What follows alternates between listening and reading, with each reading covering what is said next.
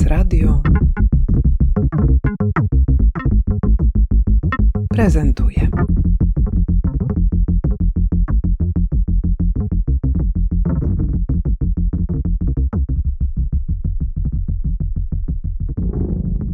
Się Małgorzata Bartosik, jestem projektantką graficzną i projektantką krojów pisma i jestem autorką książki Bronisław Zelek w Zaklętej Krainie Liter. Bronisław Zelek jest taką postacią, która jest niezwykle inspirująca dla nowego pokolenia typografów i projektantów graficznych generalnie, bo jego twórczość obejmowała wiele różnych pól aktywności projektowej, ale ty w końcu napisałaś o nim książkę. Powiedz proszę, kim był Bronisław Zelek? Najbardziej znany jest jako plakacista, ponieważ w latach 60. i w latach 70. był y, przedstawicielem Polskiej Szkoły Plakatu i na początku lat 70. wyjechał z Polski do Austrii i wtedy zajął się projektowaniem krojów pisma, więc zmienił sobie dziedzinę na projektowanie krojów pisma i w ostatnich latach życia był malarzem dodatkowo.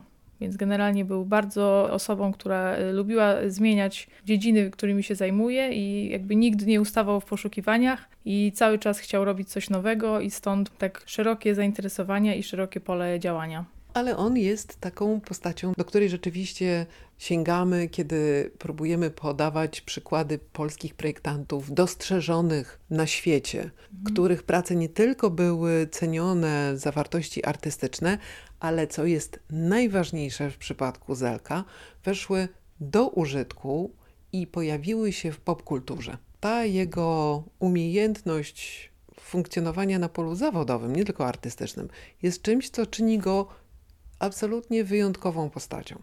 W Twojej książce na pewno znajdziemy przykłady tego jego funkcjonowania w mhm. obiegu światowym, no ale te zastosowania jego, jego kroju pisma, tego najsłynniejszego, który jest inspiracją do mhm. dzisiaj. Czy jest to legenda, czy rzeczywiście jest to coś, co zawodowo było pragmatyczne, czy też faktycznie zdarzył się jakiś niezwykły zbieg okoliczności, że on uzyskał taki światowy rozgłos? Wydaje mi się, że po prostu akurat kiedy się zajmował tym projektowaniem krojów, to jego kroje, które tworzył, były tak jakby wpisywały się w te trendy.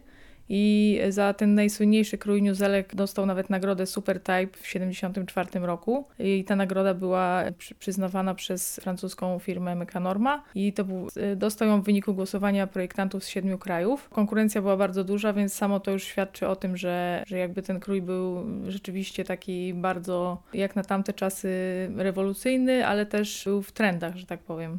No i jakoś przyjął się y, zarówno y, za granicą, jak i dotarł też do Polski. On był wydawany w letrasetach, czyli w tych takich arkuszach suchego transferu, ale y, kiedy zaczęła się era druku cyfrowego, to było dużo wersji digitalizacji jego kroju. W związku z tym, jak się patrzy na wykorzystanie tego jego kroju w różnych częściach świata, czy nawet, czy nawet w samej Polsce, to może być tak, że jest na przykład pięć liter A i każda z tych liter A jest inna. Więc to jest bardzo ciekawe. Jak ktoś się interesuje typografią i liternictwem, to to zjawisko jest y, super ciekawe. No i generalnie ten krój jest na tyle uniwersalny, znaczy, no jest akcydensowy, więc też nie jest, jest tylko do użytku jakichś, nie wiem, tytułów, headline'ów, do okładek płyt. Nie jest krojem tekstowym, ale we wszystkich krajach świata tak naprawdę można powiedzieć, że się przyjął. Ja jak na przykład jeżdżę gdzie, gdzieś w jakieś dziwne miejsca, to idę sobie, nie wiem, środkiem jakiejś tam szosy na plażę i nagle patrzę, a tam jest szyld y. Czy ostatnio byłam w Rumunii, to też jakiś szyld w ogóle jakiegoś starego zakładu fotograficznego. Także po prostu widać, że ten y, krój funkcjonował już od lat 70., bo są właśnie stare użycia tego kroju i one cały czas jeszcze są, czy jakieś właśnie stare murale na przykład, więc generalnie no po prostu na wszystkim, wszędzie a takim najbardziej znanym, najbardziej renomowanym może użyciem kroju to jest y, w y, logotypie Microsoftu z, z lat 80. No już nikt pewnie tego nie pamięta, ale myślę, że to jest y, no, takie bardzo fancy, że ktoś nawet użył jego kroju do logotypu Microsoftu. Także no po prostu, gdzie się nie obejrzymy, to jest gdzieś newzelek na pewno. Powiedz proszę jako typografka, czemu ten font, ten krój pisma właściwie, tak, to są stare czasy, Czemu właściwie ten krój zyskał sobie taką popularność? Co na to wpłynęło? Czy on jest po prostu atrakcyjny wizualnie, czy to jest kwestia estetyki, czy też jakiejś wygody?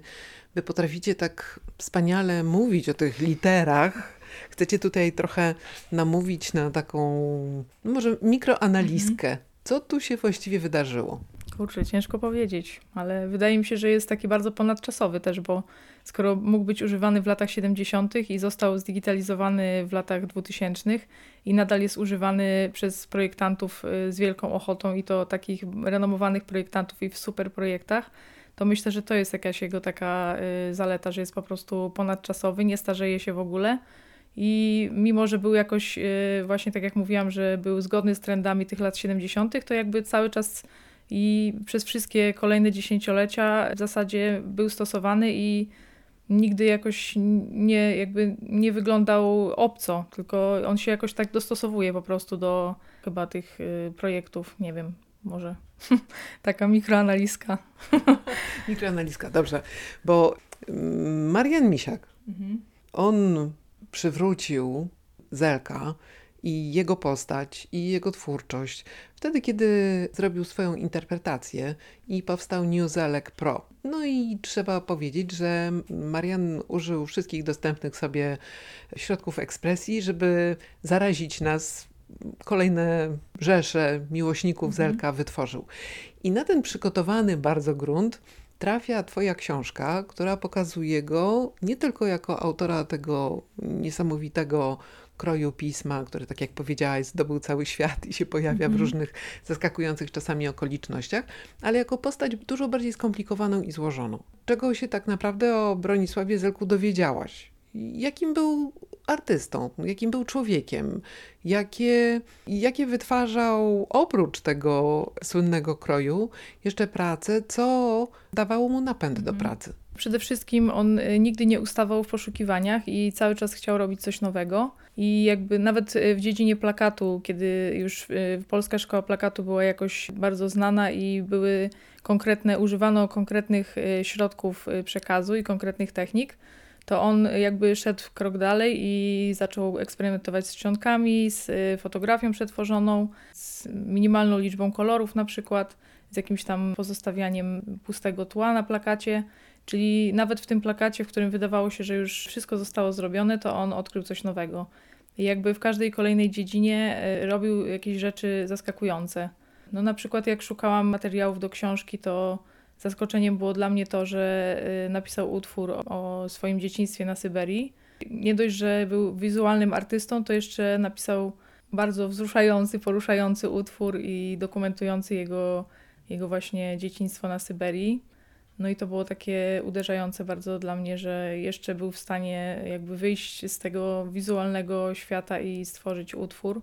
No i jakby to, z czego on nie jest w ogóle znany w Polsce, czyli malowanie obrazów. To też bardzo eksperymentował i jakby on przez całe życie mówił, że, nie, że nigdy nie chce powielać rzeczy, które już inni ludzie robili, więc y, no, w tym obrazie też miał swoją technikę. Zbierał sobie składniki, z których potem montował konkretne obrazy i testował kolorystykę na komputerze i później za pomocą rzutnika je y, malował na płótnie. Na przykład miał taką serię obrazów inspirowaną muzyką, co też było może nie jakieś rewolucyjne, ale jednak no, ciekawe i to było jakiś tam krok dalej. Także myślę, że po prostu naj, najważniejsze u niego było to, że, y, że cały czas y, poszukiwał jakichś, jakichś nowych y, doznań, że tak powiem, i był bardzo inspirującą osobą i też taką bardzo otwartą na, na wszystkie nowości. Nie zamykał się w tym, co, co już umie i po prostu do końca życia robił to samo, tylko jakby cały czas patrzył do przodu. I to myślę, że było takie w nim magiczne. Przygotowując tę książkę, musiałaś zbierając informacje trafiać na ludzi, którzy mieli z nim mhm. kontakt, współpracowali z nim, byli no, związani zawodowo. Jak oni go wspominają? No, wszyscy oczywiście bardzo ciepło i też e, jakby to, co od razu mi się nasuwa, to, że był kobieciarzem, także z takiej prywatnej strony to mogę to powiedzieć. No i miał dużo sukcesów, e, osiągał dużo sukcesów zarówno no, jakby na gruncie polskim, no to głównie w plakatach i naprawdę to były takie sukcesy, że konkursy to wygrywał praktycznie wszystkie, że niektórzy to już tam nie startowali, bo wiedzieli, że i tak Zelek wygra. Więc y, zaprojektował na przykład najdroższy plakat w historii PRL-u prawdopodobnie. No, na tym polu miał bardzo duże sukcesy. Dla, dlaczego, dlaczego najdroższy? Bo to był jakiś plakat polityczny na rocznicę rewolucji październikowej bodajże i on już w konkursie wygrał, więc dostał nagrodę w konkursie. Później jeszcze y, na Biennale Plakatu wygrał y, ten plakat, później dostał nagrodę y, Tadeusza Trepkowskiego za plakat polityczny, no i potem jeszcze chyba ZSRR i NRD w ogóle kupiło ten plakat, także to była zawrotna kariera plakatu. I jakby ogólnie zarobki plakacistów były dosyć wysokie, a mimo to on, on miał wszystko tak naprawdę na tamten moment, co mógł mieć i życie plakacisty to było niemalże życie usłane różami, ale mimo wszystko podobno zawsze był skromną osobą i taką bardzo, no nie napawał się swoimi sukcesami, tylko raczej był skromny właśnie. No to jest taka cecha osób, które patrzą do przodu, że nie, nie skupiają się na swoich osiągnięciach i to nie jest dla nich najistotniejsze, tylko właśnie to, co idzie, to, tak, co jest przed nimi. Przed nimi, dokładnie. Nawet jak opowiadał o y, swoim, bo jego prywatną pasją było żeglarstwo, to mówił, że nawet jak zdobywał jakieś puchary w tym żeglarstwie, to nawet nie zabierał ich ze sobą, tylko po prostu mówił, a dobra, tam zdobyty, to już dalej płyniemy. Czyli z tego wszystkiego wynika, z tego twojego poszukiwania, ukazuje się taka postać, która jest dość nietuzinkowa, której droga artystyczna, ale też jakieś wybory osobiste są w poprzek rozmaitym stereotypom. Tutaj w tym środowisku polskim rozumiem, że on funkcjonował do pewnego momentu, a mhm. później wyjechał za granicę. Dlaczego właściwie postanowił? To nie były czasy, kiedy można było tak po prostu sobie postanowić i łatwo zmienić miejsce mhm. zamieszkania. Co tu się stało, że on opuścił Polskę? No to nawiązując do mojej poprzedniej wypowiedzi, to oczywiście e, miłość była, e, była tą przyczyną jego wyjazdu, ale też jak był asystentem u profesora Tomaszewskiego, poznał, tam jakby przyjeżdżało dużo studentów z innych krajów i poznał właśnie studentkę z Austrii, i ta studentka wprowadziła go jakby do tego środowiska austriackiego projektowania i postanowił i właśnie, no znaczy no główną właśnie przyczyną to była ta y, uczuciowa, że tak powiem, a dzięki temu, że miał tam jakieś y, znajomości, no to stwierdził, że też może ułożyć sobie jakoś zawodowo życie. No niestety okazało się później, że to nie jest takie łatwe, jak mu się wydawało, bo jednak realia życia na zachodzie były trochę inne niż w Polsce.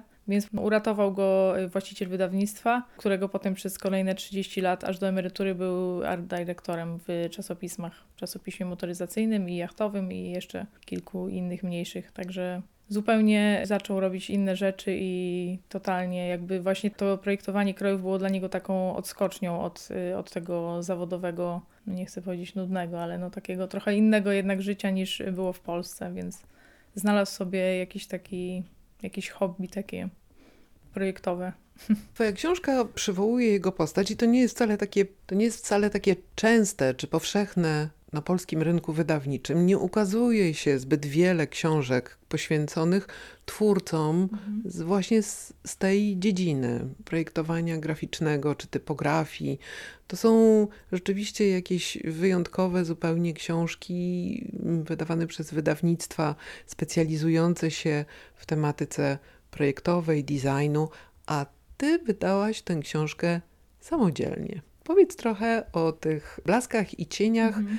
self-publishingu. E, no tak, postanowiłam po tym, jak e, żadne wydawnictwo nie było zainteresowane wydaniem tej książki, no ale rozumiem jakby to, bo to jest bardzo niszowa, tak jak powiedziałaś, e, tematyka. To postanowiłam wydać książkę, po, jakby zebrać fundusze na wydanie książki na Kickstarterze no, oczywiście y, już po, to było bardzo, bardzo duża satysfakcja, bo wszystko od A do Z y, zrobiłam sama. Przeprowadziłam całą kampanię, prosiłam wszystkich naokoło, żeby udostępniali informacje o tej kampanii i po prostu codziennie odświeżałam 50 razy stronę Kickstartera, żeby sprawdzać, czy już się zebrało, ile i tak dalej. No, była to bardzo ciężka praca, ale, ale jakby super satysfakcjonująca i no wiadomo, że też cały ten proces wydawniczy, czyli redakcja, tłumaczenie, tłumaczenie i tam no, druk i tam skład i w ogóle wszystko. No, no musiałam sama to wszystko zrobić, ale ja jestem zadaniowcem i generalnie bardzo lubię challenge i dla mnie to było super wyzwanie i super się cieszę, że się udało, także polecam. Jak ktoś chce dowiedzieć się czegoś więcej, to zapraszam na konsultacje z Kickstartera.